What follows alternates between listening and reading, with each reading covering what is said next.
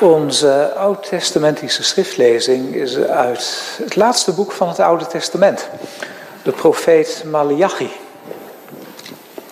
Daarvan het derde hoofdstuk.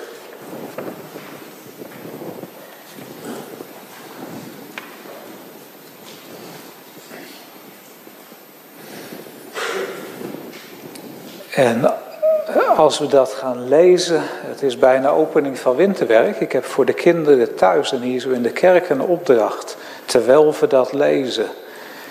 Let eens op het woord engel, zowel in dit gedeelte van de Bijbel als straks bij het Nieuwe Testament. Wat zou daarmee bedoeld worden? Malachi 3, vers 1. Zie, ik zend mijn engel die voor mijn aangezicht een weg bereiden zal. En snellijk zal tot zijn tempel komen die Heere die gij lieden zoekt, te weten, de engel des verbonds, aan de welke gij lust hebt. Zie, hij komt, zegt de Heere der Heerscharen. Maar wie zal de dag zijn toekomst verdragen? En wie zal bestaan als hij verschijnt? Want hij zal zijn als het vuur van een goudsmid en als zeep der volks. En hij zal zitten louterende en het zilver reinigende. En hij zal de kinderen van Levi reinigen. En hij zal hen doorlouteren als goud en als zilver. Dan zullen zij den Heere spijsoffer toebrengen in gerechtigheid. Dan zal het spijsoffer van Juda en Jeruzalem de Heere zoet wezen. Als in de oude dagen, als in de vorige jaren. En ik zal tot uw lieden ten oordeel naderen.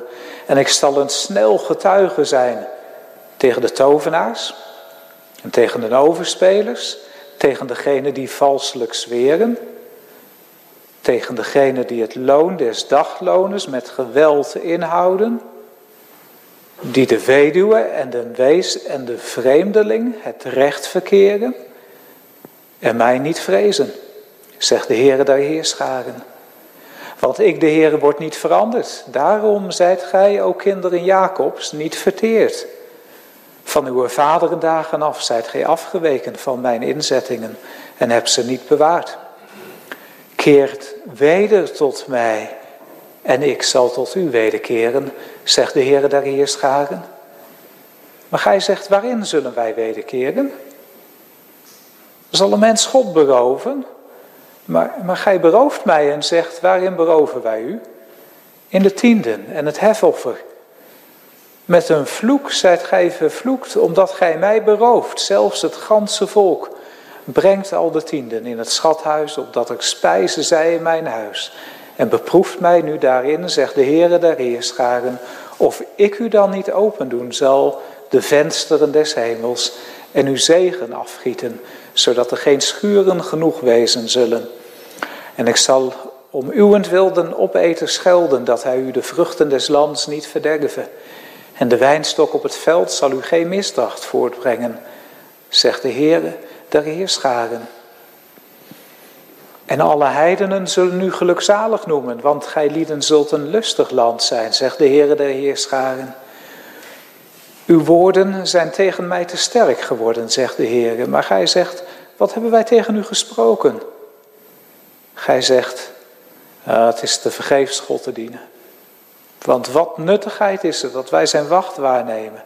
Dat we in het zwart gaan voor het aangezicht des Heren der Heerscharen. En nu wij achter de hoogmoedige gelukzalig ook die goddeloosheid doen, worden gebouwd, ook verzoeken zij den Heren en ontkomen. Als dan spreken die den Heren vrezen en ieder tot zijn naaste. De Heere merkt het toch op en hoort en er is een gedenkboek voor zijn aangezicht geschreven, voor degenen die den Heere vrezen en voor degenen die aan zijn naam denken. En zij zullen, zegt de Heere der Heerscharen, te dien dagen die ik maken zal, mij een eigendom zijn. En ik zal hen verschonen, gelijk als een man zijn zoon verschoont die hem dient. Dan zult gij lieden wederom zien het onderscheid tussen den rechtvaardigen en den goddeloze, tussen dien die God dient en dien die hem niet dient. Tot zover onze oud-testamentische schriftlezing. We bladeren verder naar het laatste boek van het Nieuwe Testament. Daarvan het tweede hoofdstuk. Vanaf vers 1. Waar de Heer Jezus tot Johannes zegt. Schrijf aan den engel der gemeente van Efeze. Dit zegt hij die de zeven sterren in zijn rechterhand houdt, die in het midden der zeven gouden kandelaren wandelt. Ik weet uw werken en uw arbeid en uw leidzaamheid, dat gij de kwade niet kunt verdragen, dat gij beproefd hebt degene die uitgeven dat zij apostelen zijn, en ze zijn het niet, en hebt hen leugenaars bevonden. En gij hebt verdragen en hebt geduld en gij hebt om mijns naams wil gearbeid en zijt niet moedig geworden. Maar ik heb tegen u dat gij uw eerste liefde hebt verlaten. Gedenk dan waarvan gij uitgevallen zijt en bekeer u en doe weder uw eerste werken. En zo niet, ik zal u haastelijk bijkomen en zal uw kandelaar van zijn plaats weren, indien gij u niet bekeert. Maar dit hebt gij, dat gij de werken der Nicolaïten haat, welke ik ook haat. Die oren heeft, die horen wat de geest tot de gemeenten zegt. Die overwint, ik zal hem geven te eten van den boom des levens, die in het midden van het paradijs Gods is. Zalig is hij die het woord van God hoort en het in zijn hart bewaart. Ter voorbereiding op de prediking willen we gaan zingen uit Psalm 20, daarvan de versen 1 en 2. Dat op uw klacht de hemel scheuren, dat zich de Heer ontdek. De God van Jacob beuren, u in een hoog vertrek. En ook de tweede, hij wil uw offerspijs gedenken, de hemelvlam verteer, wat op het brandaltaar zult schenken, tot allerhoogste eer.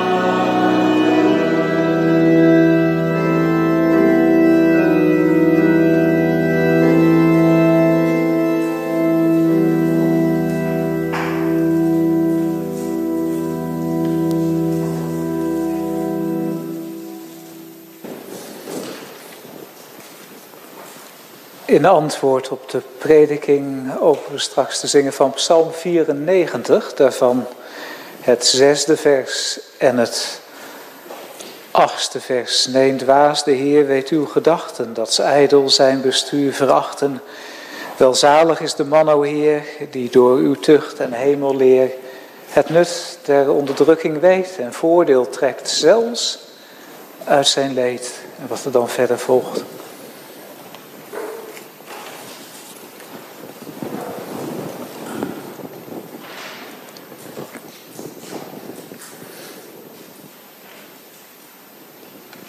Ja, de afgelopen twee weken is de Nederlandse politiek bezig geweest met een klein, voor Griekenland waarschijnlijk groot, eiland waarop allerlei dingen gebeurden met eh, vluchtelingen en met een brand en met opvang.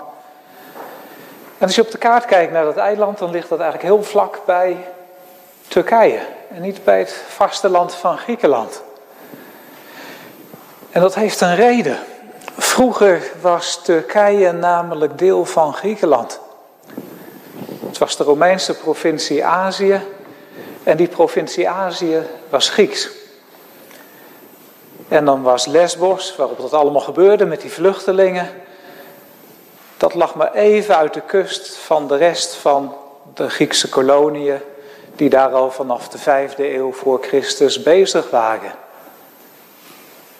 Als je een hele eind naar het zuiden gaat, een paar honderd kilometer onder Lesbos, dan kom je bij een nog veel kleiner eiland terecht. Een bijbels gezien veel belangrijker eiland, het eiland Patmos. Klein eiland, hoewel je kan de 12 kilometer lopen van het ene uiteinde naar het andere uiteinde. Het is vooral rotsen maar veel smaller dan, uh, dan Lesbos. Dus het is maar klein, maar 35, 36 vierkante kilometer. En er valt niks te beleven, zeker toen niet. Nu eigenlijk een beetje meer. Nou staat er een prachtig kasteel, eigenlijk een klooster. Maar dat, dat moest als kasteel gebouwd worden rond het jaar 1000 vanwege de piraten die daar in de Egeïsche Zee, zo noemen we de zee tussen Griekenland en Turkije in.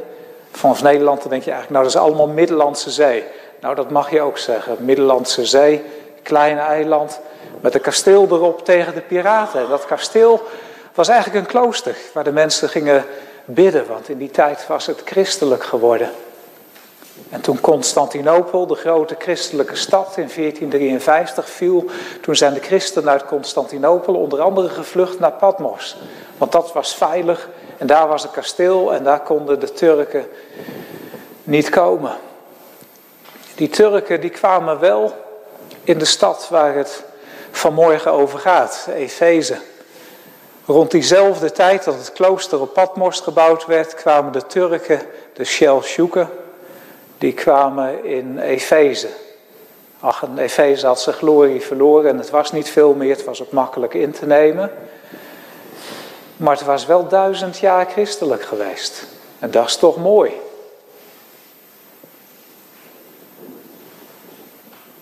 Ja, hier in Graafstroom hebben we water en dan kan je nog naar de overkant van het riviertje zwemmen. Maar als je van Efeze naar Pastmos wil gaan zwemmen, dan lukt dat niet. Dat is veel te gevaarlijk. Dat is wel 50 kilometer. Dat, eh, dan moet je heel goed kunnen zwemmen om dat te doen. Maar dat is toch de reis die de apostel Johannes gemaakt had. Want hij was tegen het einde van de eerste eeuw was hij op dit eiland Patmos terechtgekomen.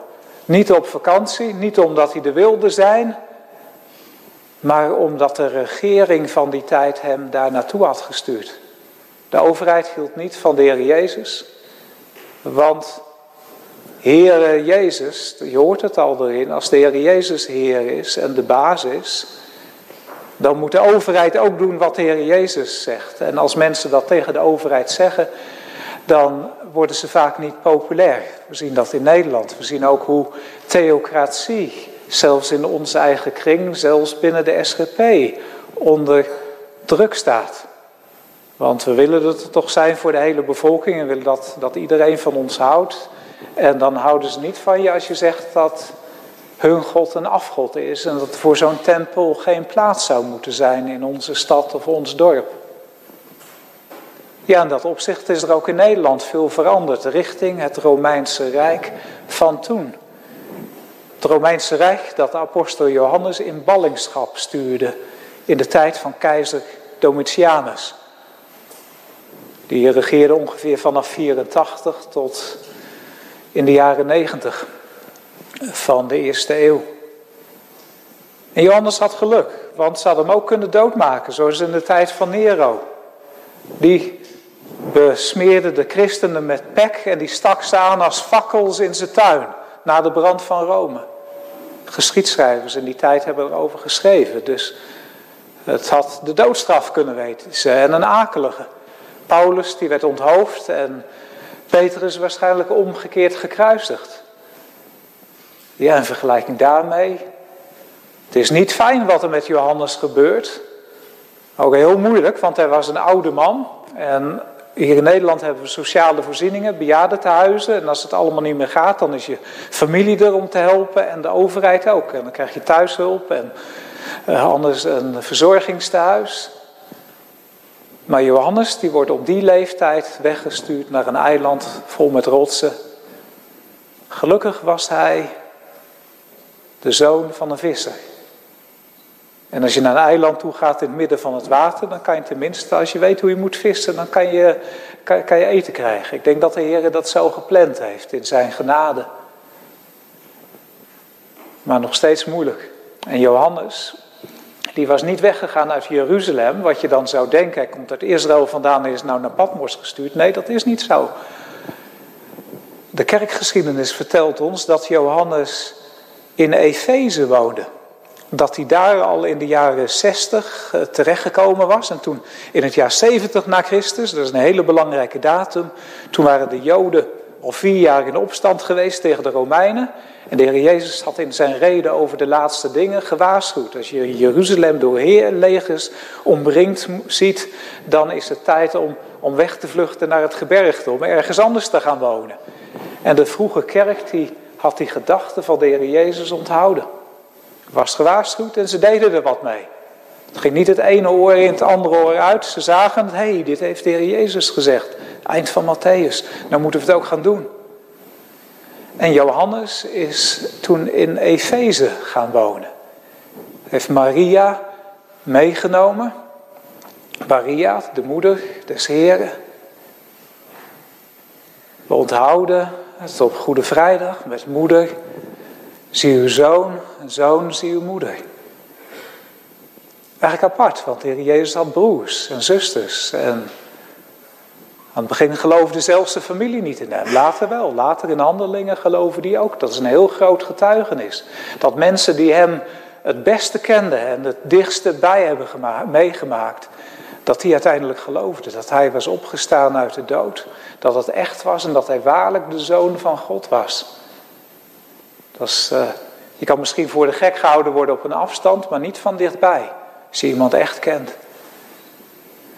Maar dat bevestigt dat feit dat Johannes Maria meenam, dat wat Calvijn ook geloofde en de, en de Rooms-Katholieke Kerk ook, dat Maria na de geboorte van de Heer Jezus maagd gebleven is. En dat die broers en zusters, dat dat in feite, het Griekse woord kan dat betekenen, halfzusters en halfbroers waren of neven of nichten.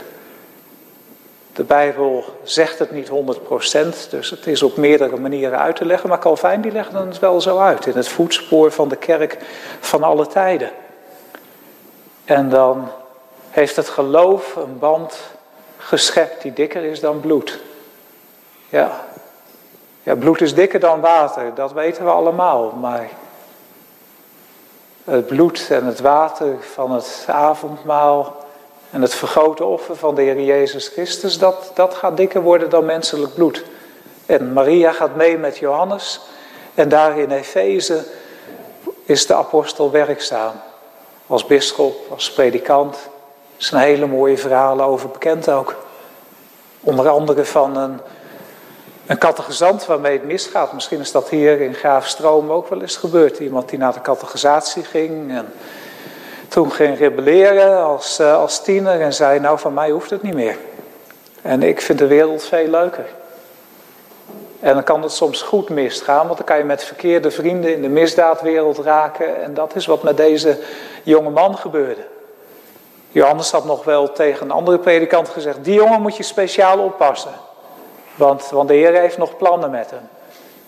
Maar het ging toch mis. En het ging van kwaad tot erger en hij werd rover hoofdman. Dus bendeleider.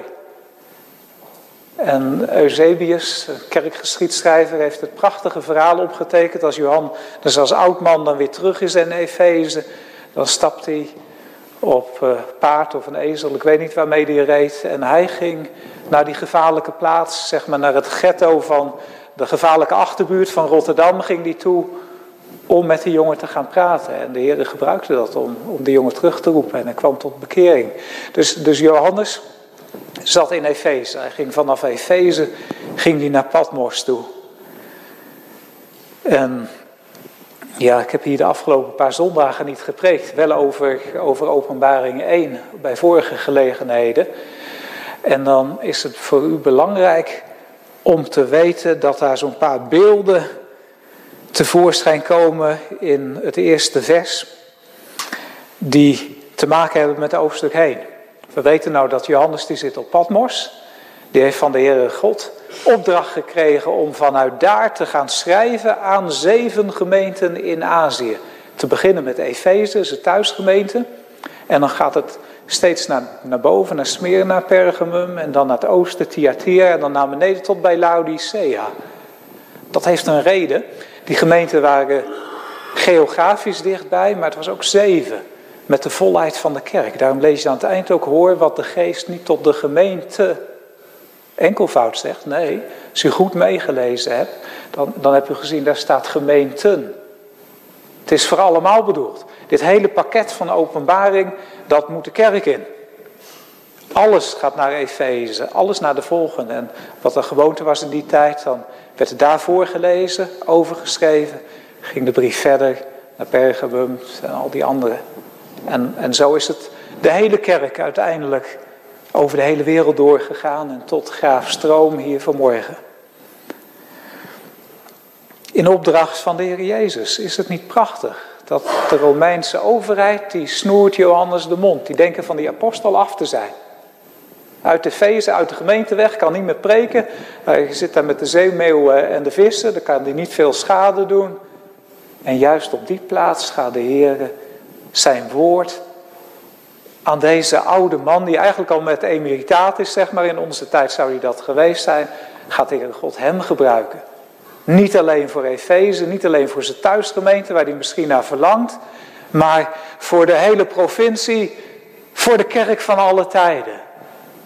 Is dat geen genade? Is dat geen mooie manier waarop je kunt zien dat de Heer de werken van de boze kan dwarsbomen? De boze lijkt succes te hebben gehad en Johannes zit daar op een eiland zonder internet en zonder telefoon en hij schijnt er niks te kunnen, maar daar gaat de Heer spreken en hij wordt tot grote zegen.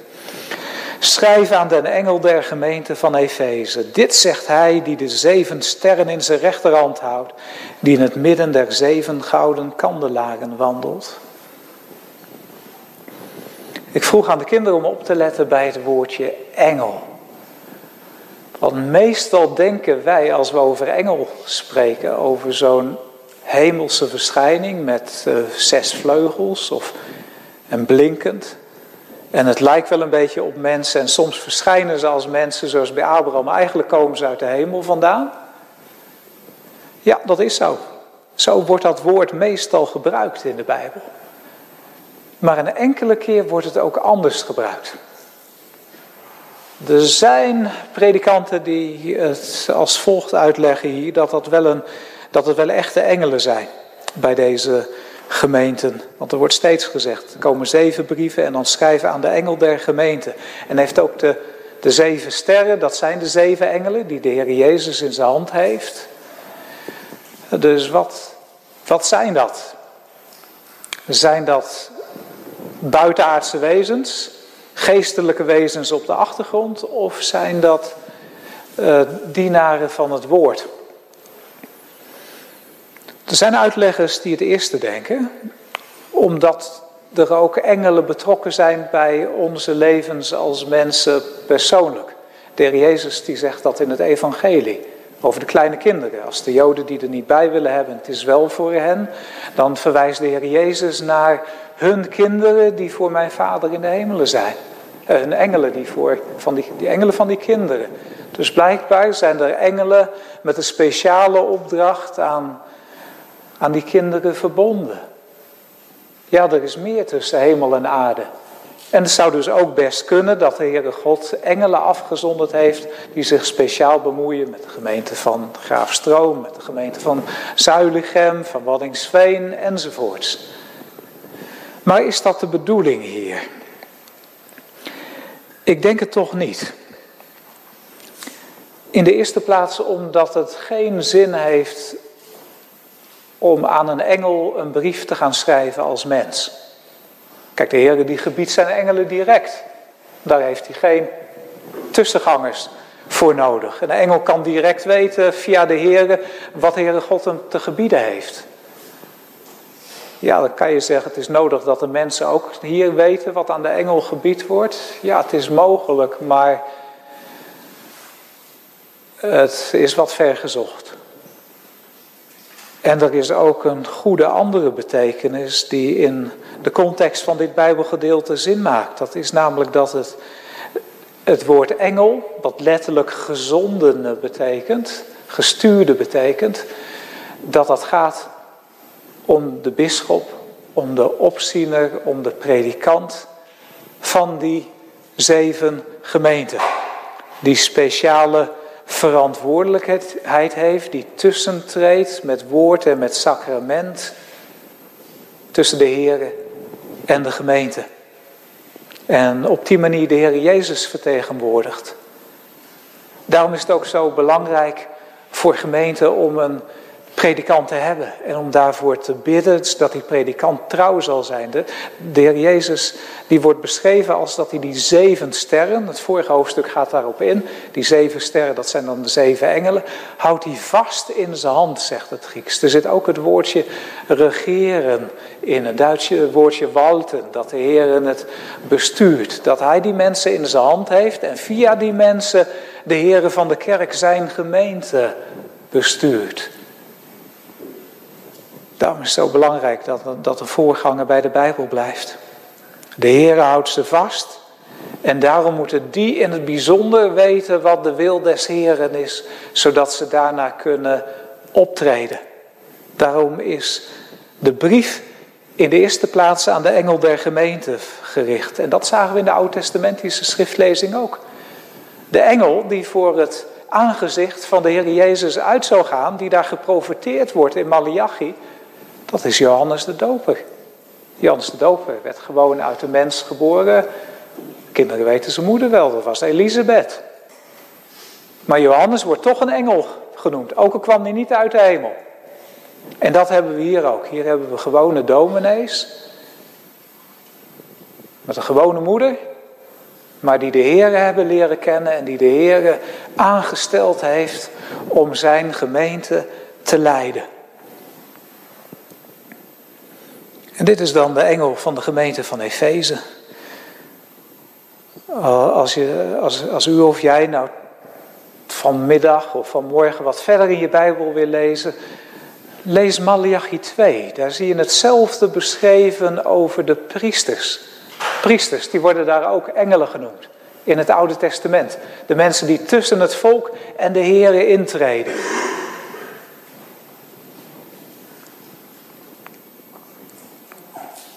Dit zegt hij die de zeven sterren in zijn rechterhand houdt. Maar dan wordt eraan toegevoegd die in het midden der zeven gouden kandelaren wandelt. Want dat heeft Johannes in het vorige hoofdstuk gezien. Verschijning van de Heer Jezus, een keiharde, bulderende stem die hem eigenlijk laat sidderen en trillen. En dan kijkt hij om en dan ziet hij later die verschijning, maar eerst ziet hij zeven gouden kandelaren. En dat is niet toevallig. Later wordt dan gezegd, die zeven gouden kandelaren zijn de zeven gemeenten. Maar dit is Oude en Nieuwe Testament samen. De beelden die we hier zien komen al uit de tijd van Mozes. waar we ook een gouden kandelaar hadden. Kan je het onthouden? Dus een gouden kandelaar eerst in een tent en later in de tempel, in het heilige. De zevenarmige gouden kandelaar met zeven lampen. Maar niet met, met kaarsen zoals wij dat dan voorstellen. Dat dacht ik vroeger toen ik klein was. Maar in die tijd had je, had je olielampen. En olie, met name olijfolie, dat is een beeld voor de geest in de schrift. Daarom worden koningen ook met olie gezalfd. En de geest gaat dan met die koning werken en zorgen dat hij uiteindelijk ook in het echt koning wordt. Zo werden de priesters ook gezalfd. En weet je ook in sommige gevallen gezalfd tot profeet, zoals bij Elis, Elisa. De geest die met mensenlevens aan de slag gaat, hun laat groeien, hun leidersposities binnen kerk en samenleving laat innemen. Dat is het werk van de geest. En de kerk die mag dat ontdekken, ook met het, met het kiezen van ambtsdragers. Dan is het niet laten wij te organiseren en zien wat ongeveer kan. Nee, dan gaan we kijken naar die kenmerken die Paulus gegeven heeft namens de Heer in Titus en Timotheus. En, en kijken naar het genadewerk van de Heer in, het levens, in de levens van broeders. Heeft de gemeente dit, in, heeft de Heer dit, dit gewerkt in onze gemeente? En kunnen wij nou vertrouwen op zijn gave aan de gemeente? Dat we deze broeder roepen tot het ambt. Ja, zo gaat dat. Zeven gouden kandelaren. Beeld van de geest. De kandelaren in de tempel, in het heilige, waar de priesters alleen mochten komen, die was ook van goud. Dus de geest met het licht is werkzaam in de gemeente. Dat is hoe de gemeente vergaderd wordt, door woord en geest. Worden we naar de Heer Jezus getrokken. Het, het licht op ons pad, de geest die ons voorgaat, de Vader die, die ons trekt door woord en geest. Zo is die gemeente in Efeze er gekomen. Paulus is er geweest in het verleden, Apollos heeft er gepreekt. Ze hebben daar die hele rel gehad rondom de tempel van Artemis, de Diana, was de Romeinse naam van de Efeziërs, met, uh, met uh, zilversmeden die bang waren dat de mensen de afgod niet meer gingen kopen. Ja, dat was allemaal in Efeze, maar zeg maar 40 jaar later is de gemeente er nog steeds. En staat die kandelaar dankzij het werk van de geest. En in het midden van die zeven gouden kandelaren wandelt dan de Heer Jezus. De grote hoge priester, de grote koning, die eens en voor altijd in het heiligdom is doorgegaan, die geofferd heeft, de prijs betaald en nou de toegang in het hemelse heiligdom, de toegang tot God de Vader geopend heeft. En in dit gedeelte en het hele boek Openbaring zien we veel van zulke beelden. Straks zullen we even stilstaan bij de boom des levens. Kan je denken, ja, die is het paradijs en dat is toch dicht. En toen de zon vloed, is toch weg. Hoe kan die boom er nou toch weer zijn? Is dat mythologie of hoe zit dat? We komen er zo op terug. Maar hier zien we de hemelse realiteit van wat vroeger voorafgeschaduwd werd hier beneden in de tempel. De offerdienst. Toen Christus in het hemelse heiligdom. Hoge priester die nou voor ons bidt. Regeert van de rechterhand van de Vader, koning der koningen. En die wandelt tussen de gouden kandelaar. Het gaat om hem in de gemeente. Soms lopen wij ook in orthodoxe kringen het gevaar dat wij, zoals vanmorgen op zondag, niet bij elkaar komen voor eredienst, maar dat we eigenlijk voor onszelf in de kerk zitten. En dat is nou net niet de bedoeling. We komen op de dag des Heren, de dag die aan de Heren toe behoort, om Hem te eren. En kerkdienst is geen, geen consumentendienst. Met heb ik nou lekker gezongen en ik voel het nou goed, want ja, dat was fijn dat ik die zong en zo. En uh, dominee heeft me toch wel een grondje gegeven, dus nou uh, voel ik weer goed op zondag. Nee, het gaat niet om ons in de kerk. Het gaat om de Heer en of we Hem eer geven in onze gebeden en dat wat we zingen en dat wat we overdenken en hoe we ons leven richten. Komen we nader aan Hem, gaan we ook zoals Johannes, zijn dienstknecht, zijn slaaf zijn. Wat een erepositie is bij koning Jezus. Gij zijt mijn vrienden indien gij doet wat ik u gebied. Ja, want als je de tien geboden overtreedt, dan doe je andere mensen en de Heere God pijn. Het gaat erom dat het koninkrijk vordert en dat de Heere gehoorzaamheid ontvangt in ons leven. Dat Hij geëerd wordt, ook in de kerk. En natuurlijk kan Hij niet waarlijk geëerd worden door ons als we niet uh, waarachtig wederom geboren zijn. Al die dingen, dus dat is, dat is waar. Maar dat is geen doel op zichzelf. Dat is, dat is een middel, dat is een tussenstation. En dan komt wat de catechismus beschrijft als het leven uit dankbaarheid.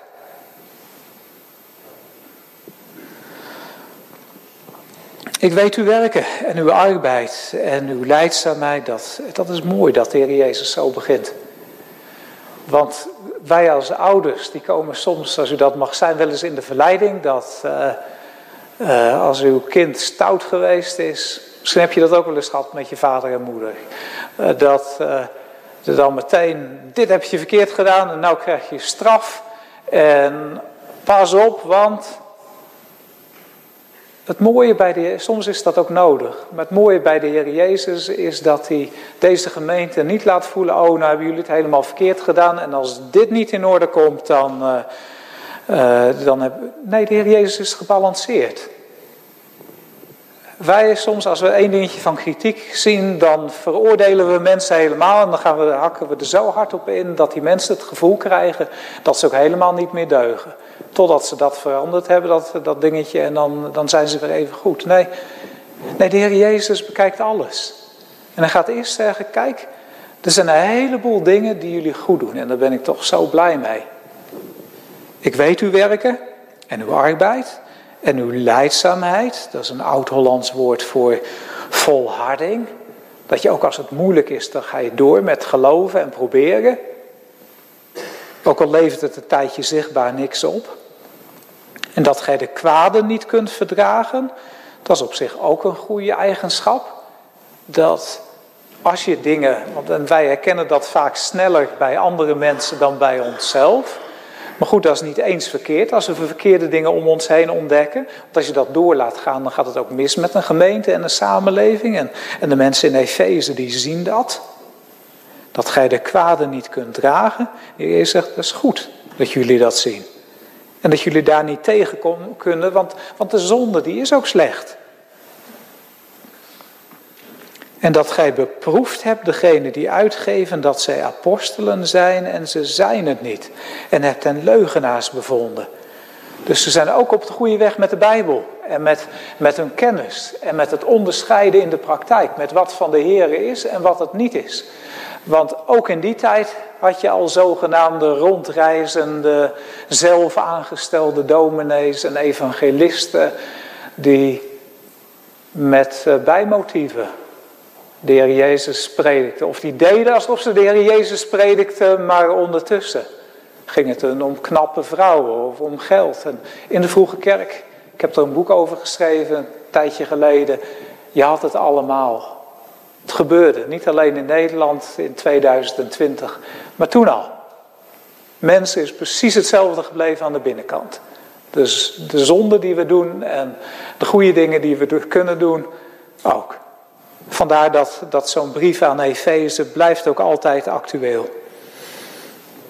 En de Heer Jezus zegt dat is goed om onderscheid te hebben. Dat kan je alleen maar hebben als je kennis hebt van de schriften. Want dan weet je hoe de Heer over dingen denkt en dan kan je het herkennen als het een valse apostel is. Als die bijvoorbeeld leert dat de Heer Jezus niet waarachtig mens geworden is.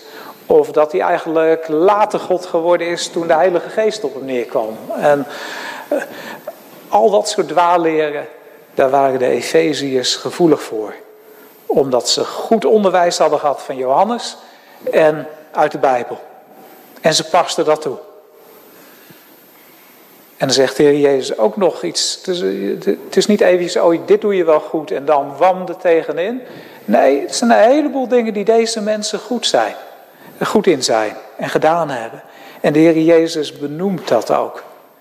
En dat is goed om dat met onze kinderen ook te doen. Dat met de dingen die ze leren, dat we af en toe even een complimentje geven. En fijn dat je dat doet en dat je uit jezelf dat gekozen hebt en dat je dit belangrijk eh, vindt. Moedig dat aan.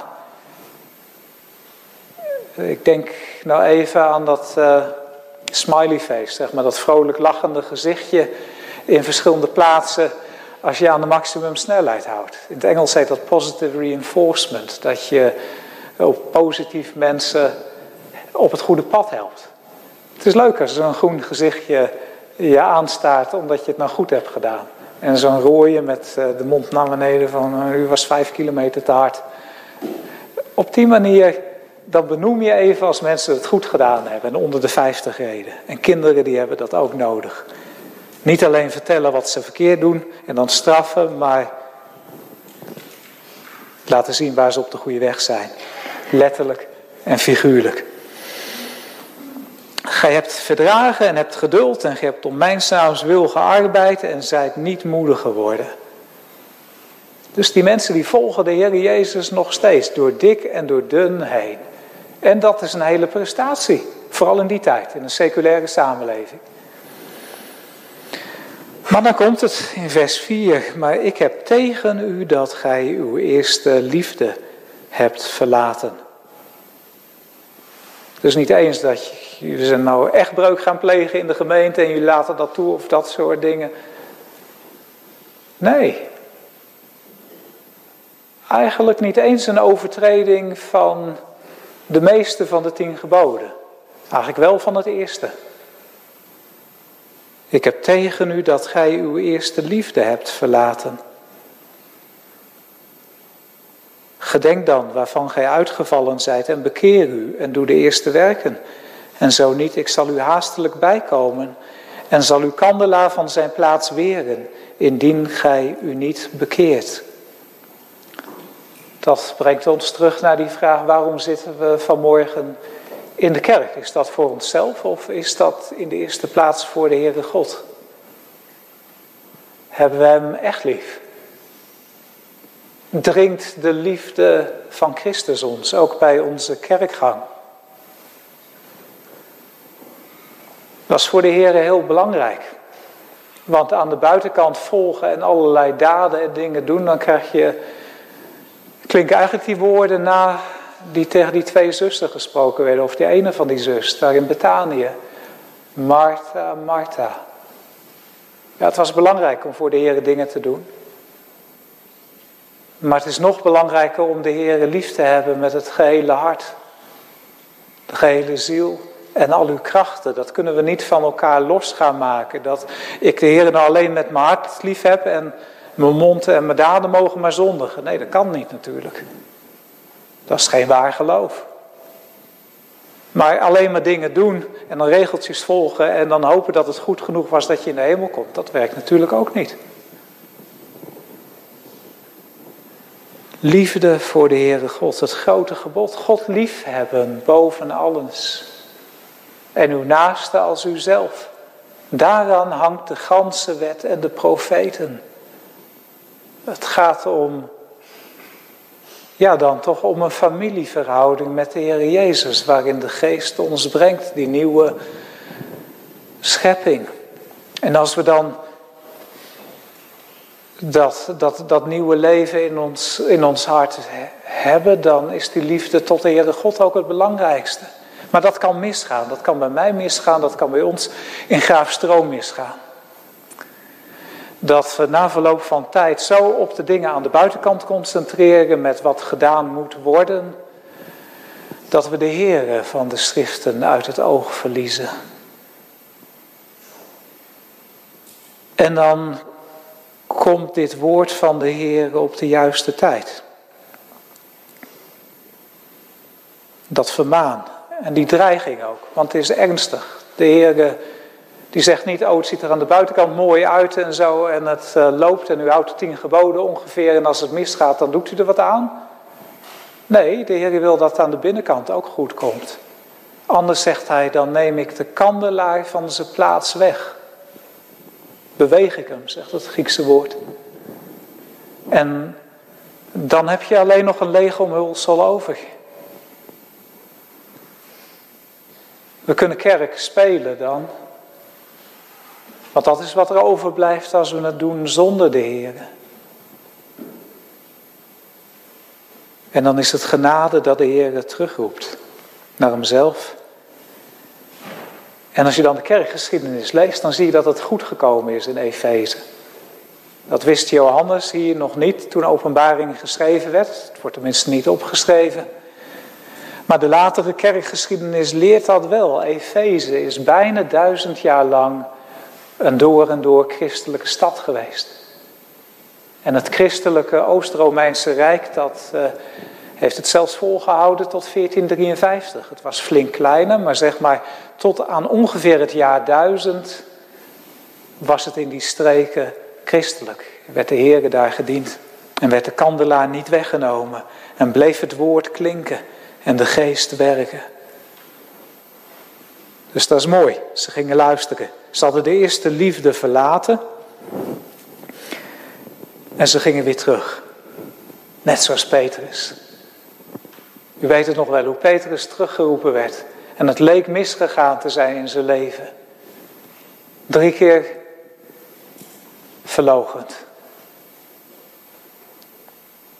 En dan daar in Galilea, Petrus, hebt gij mij waarlijk lief.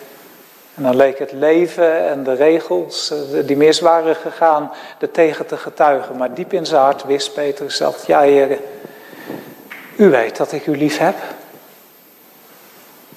En als die, die basis er is in uw leven, dan gaat de stem van de Heer u ook niet met rust laten.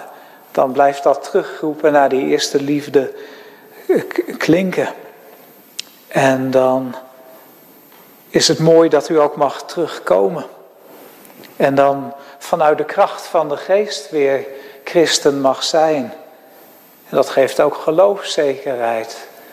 Nu en, en in de dag van onze dood. Soms zijn we daar stil over in de kerk, maar het is, het is belangrijk om daarvoor te bidden, ook om stervensgenade. Of dat nou over 80 jaar is of over 20 of volgende week.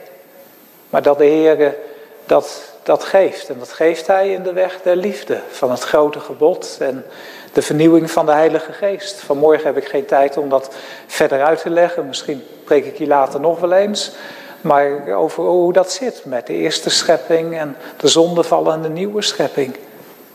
Ja, zonder dat werk van de geest en die nieuwe schepping komen we er niet. Maar de vrucht daarvan is liefde voor de Heer.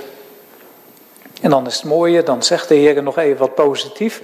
Maar dus dat ze niet moeten denken dat, dat nou wam en hij bedreigt en hij wil niks meer met hen te hebben tenzij. Nee, hij herkent nog steeds het goede bij hen. Dit hebt gij, dat gij de werken der Nicolaïten haat, de welke ik ook haat. De Nicolaïten, dat waren mensen waarover de kerkvader Irenaeus schrijft in de tweede eeuw. En de kerkvader Clement Irenaeus zat in Frankrijk, tenminste wat nou Frankrijk is, en Clemens in Alexandrië. Dat was toen ook een hele grote Griekse stad in het moderne Egypte. Maar ook Egypte was toen grotendeels Grieks. Die vertellen daarover en die zeggen de Nicolaïten, dat komt van de zeven, eh, een van de eerste zeven diakenen. Als u in handelingen leest, dan is de naam van een van die mensen Nicolaus, of Nicolaus, als je het in het Latijn zegt. En die man die zou, toen er een situatie van jaloezie in de vroege kerk was, gezegd hebben: Nou, uh, als uh, jullie dan uh, jaloers zijn op mij of zo, jullie mogen met mijn vrouw trouwen. En hij had een hele knappe vrouw en hij meende dat natuurlijk niet, maar mensen die vervolgens dachten dat partnerruil en dat soort dingen maar oké waren en dat je maar overspel kon plegen omdat dat toch maar net een zonde was met je lichaam. En of je nou offeranden voor afgoden had of met een andere vrouw naar bed ging, dat was iets wat je met je lichaam deed, maar je ziel gaat uiteindelijk naar de hemel en daar ging het om. Hartstikke valse leer natuurlijk. En uh, dat werd genoemd naar dat voorval met diaken Nicolaus. Maar uh, Clemens die noemt erbij Nicolaas zelf. Dat bleef een voorbeeld, die is het hele, leven lang trouw geweest aan die knappe vrouw van hem. En uh, zijn zoon heeft ook goed bij zijn vader geleerd en was trouw aan zijn vrouw. En zijn dochters zijn altijd ongetrouwd gebleven en hebben hun leven gewijd aan, aan de Heer Jezus. Als een soort kloosterzus. Dus, dus als een, uh, er is een ander woord voor als je dat doet in je uh, eigen huis, zeg maar. Maar daar zal ik u niet een beetje mee lastigvallen. Dat was dus heel erg wat die volgelingen of wat die, wat die groepering deed. Maar Efeze zei nee, dat is zo duidelijk tegen de Bijbel, dat doen we niet. En de Heer Jezus vindt dat fijn. En dan besluit hij met de woorden die oren heeft, die horen wat de geest tot de gemeenten zegt. En dan die mooie belofte die overwint. Ik zal hem geven te eten van den boom des levens die in het midden van het paradijs Gods is. Ja, die boom is toch weg, dominee? Het paradijs is toch ook weg? Ja en nee. Even terug naar Adam en Eva. Die woonden in de Hof van Eden. Alles was nog perfect in orde voor de zondeval. Twee belangrijke bomen. Eentje, de boom van kennis van goed en kwaad. Mochten ze niet van eten. Andere boom in het midden van de Hof. De boom des levens. Ze daarvan zouden eten, dan zouden ze eeuwig leven hebben. Vooral na de zondeval. Daarom mochten ze de, dat was de reden dat het paradijs afgesloten werd. Want ze hadden gezondigd, ze waren verkeerd geworden. En toen zei de Heere God, als die mensen nou van die boom gaan eten, dan gaan ze eeuwig zondig leven. En dat moeten we voorkomen. Want er is maar één ding erger voor die mensen dat ze gaan dan dat ze sterven. Dat is dat ze eeuwig zondig zouden leven. Dan zijn ze voor altijd van mij verwijderd. Dan kan het nooit meer goed komen. Dus het was genade dat de hof van Ede afgesloten werd en dat de Gerubs met het vlammend zwaard daar kwam. En dat de mens niet terug kon gaan en van de boom des levens eten. Die twee bomen worden nog wel eens door elkaar gehaald. De eerste was dus waar het misging met de zondeval van kennis van goed en kwaad. Mochten niet van eten, toen ging het mis. En de tweede is de boom waar ze eeuwig leven hadden kunnen verkrijgen. Ja, toen kregen we de zondvloed. En dat, uh, van dat uh, wandelen van de Heer op de aarde, dat is, uh, vanaf die tijd is dat afgelopen. Na de zondeval is de daarmee gestopt. Maar toch wandelt de Heer voort tussen de gouden kandelaren in het hemelsheiligdom. En is de toegang tot Hem geopend en mogen we eten van de boom des levens. En zegt de Heer Jezus, mijn lichaam is waarlijk spijs en mijn bloed waarlijk drank. Komt, eet en drinkt, want alle dingen zijn gereed. Ja, op een manier is de Heer Jezus de boom des levens. En is dat heiligdom de symbolisch in de hemel. Net zoals wij symbolisch genaderd zijn tot het hemelse Jeruzalem. Niet tot het aardse Jeruzalem met de tempel en de kandelaar en de andere dingen erbij. Maar het hemelse Jeruzalem. Veel erger, veel ernstiger dan de berg Sinai. Ook met de geesten van rechtvaardigen die volmaaktheid bereikt hebben. Dus na de dood is het niet afgelopen. Het gaat, het gaat door. En aan het einde der tijden, de openbaring spreekt daarover, wordt het voltooid en wordt er een nieuw lichaam aan toegevoegd dat niet meer kan zondigen. En is dat niet mooi? Dan, dan eten we als het ware van de boom des levens, maar in een zonderloze toestand. En dan blijven we altijd zonderloos voor eeuwig leven. Dat is het grote heilsplan dat de Heer ontvouwt Onder andere hier in het boek Openbaring. Dat is waar het naartoe gaat. Uiteindelijk in Openbaring 22, vers 2, laat ik dat tot besluit voorlezen. En hij toonde mij een zuivere rivier van het water des levens, klaar als kristal, voortkomende uit den troon Gods, dus zijn heerschappij in de hemel en van het lam.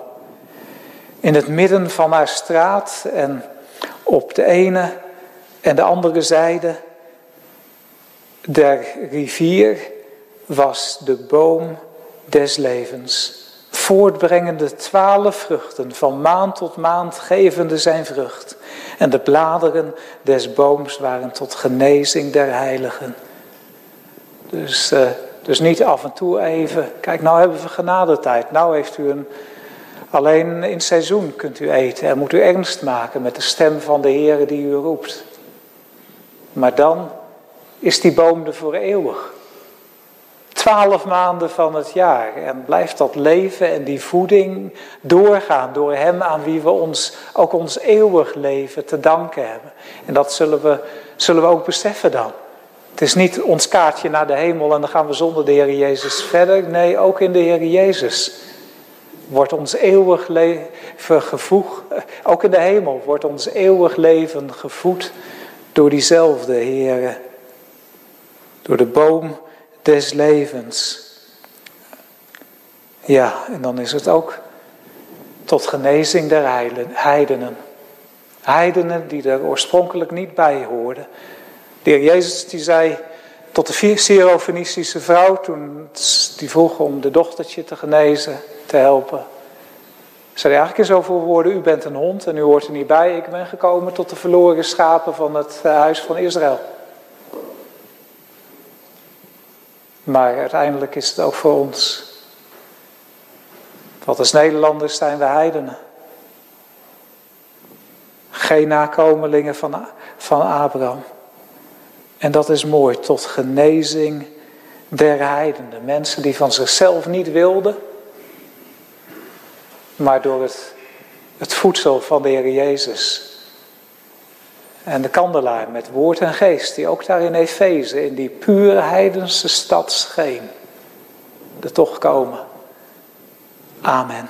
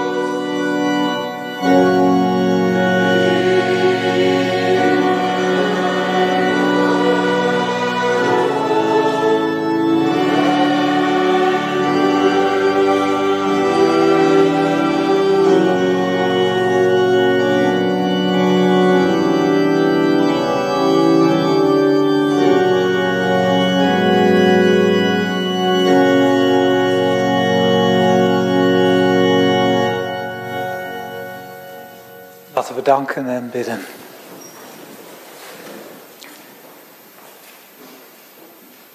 Heer, wij danken u dat u met uw genade tot ons komt, die onuitsprekelijke rijkdom en toekomst waarin we een kijkje hebben kunnen nemen door de woorden die u geboden aan Johannes, uw dienstknecht, om op te schrijven voor uw gemeenten. Heere, help ons om te horen wat uw geest ook tot ons zegt. Heere, wij zitten hier verschillend in de kerk van morgen. En ons leven heeft zo ook verschillende aandachtspunten in het licht van uw woord. We bidden u dat voor ieder bijzonder zal doorklinken uit uw woord of wat, uit wat we gezongen hebben, wat nodig is voor zijn of haar leven.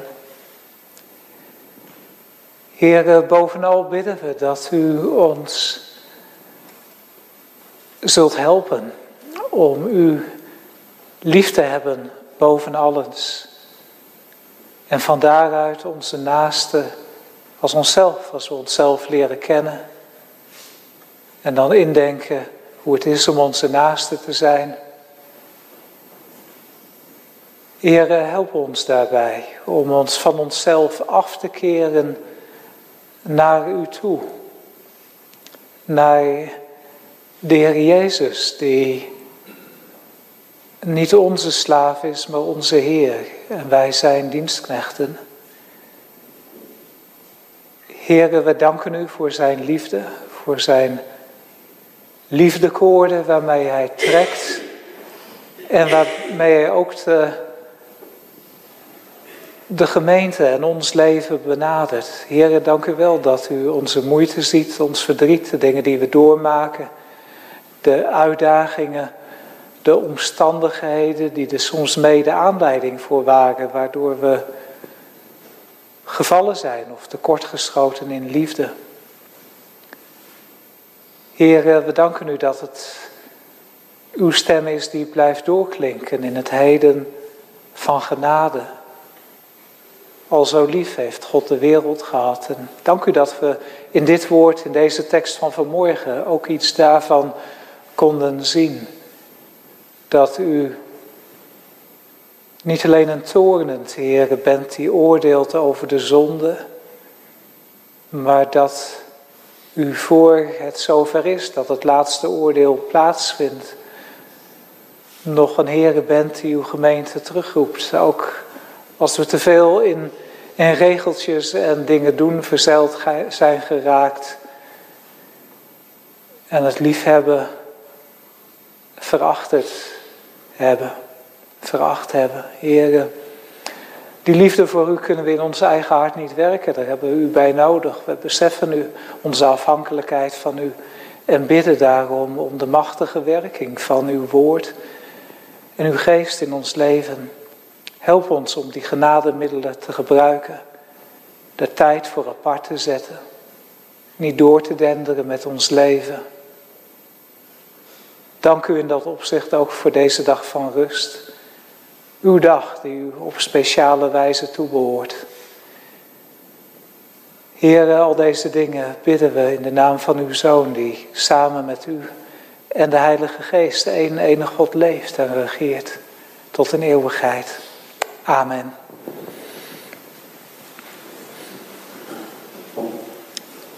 We willen zingen over die liefde tot de Heer uit Psalm 116.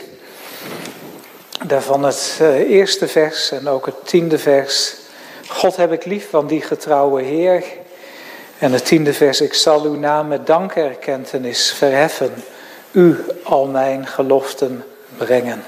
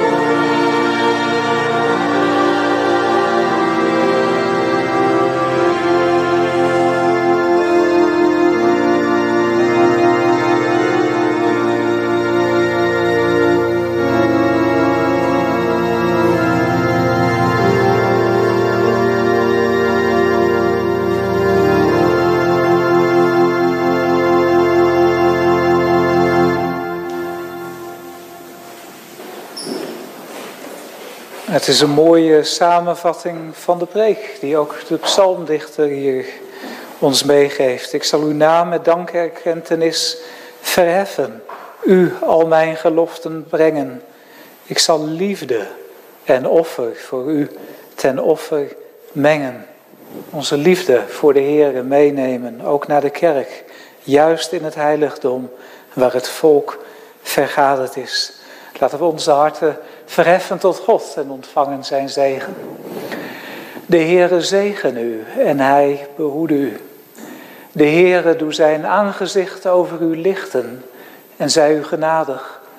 De Heere verheffen zijn aanschijn over u en geef u vrede. Amen.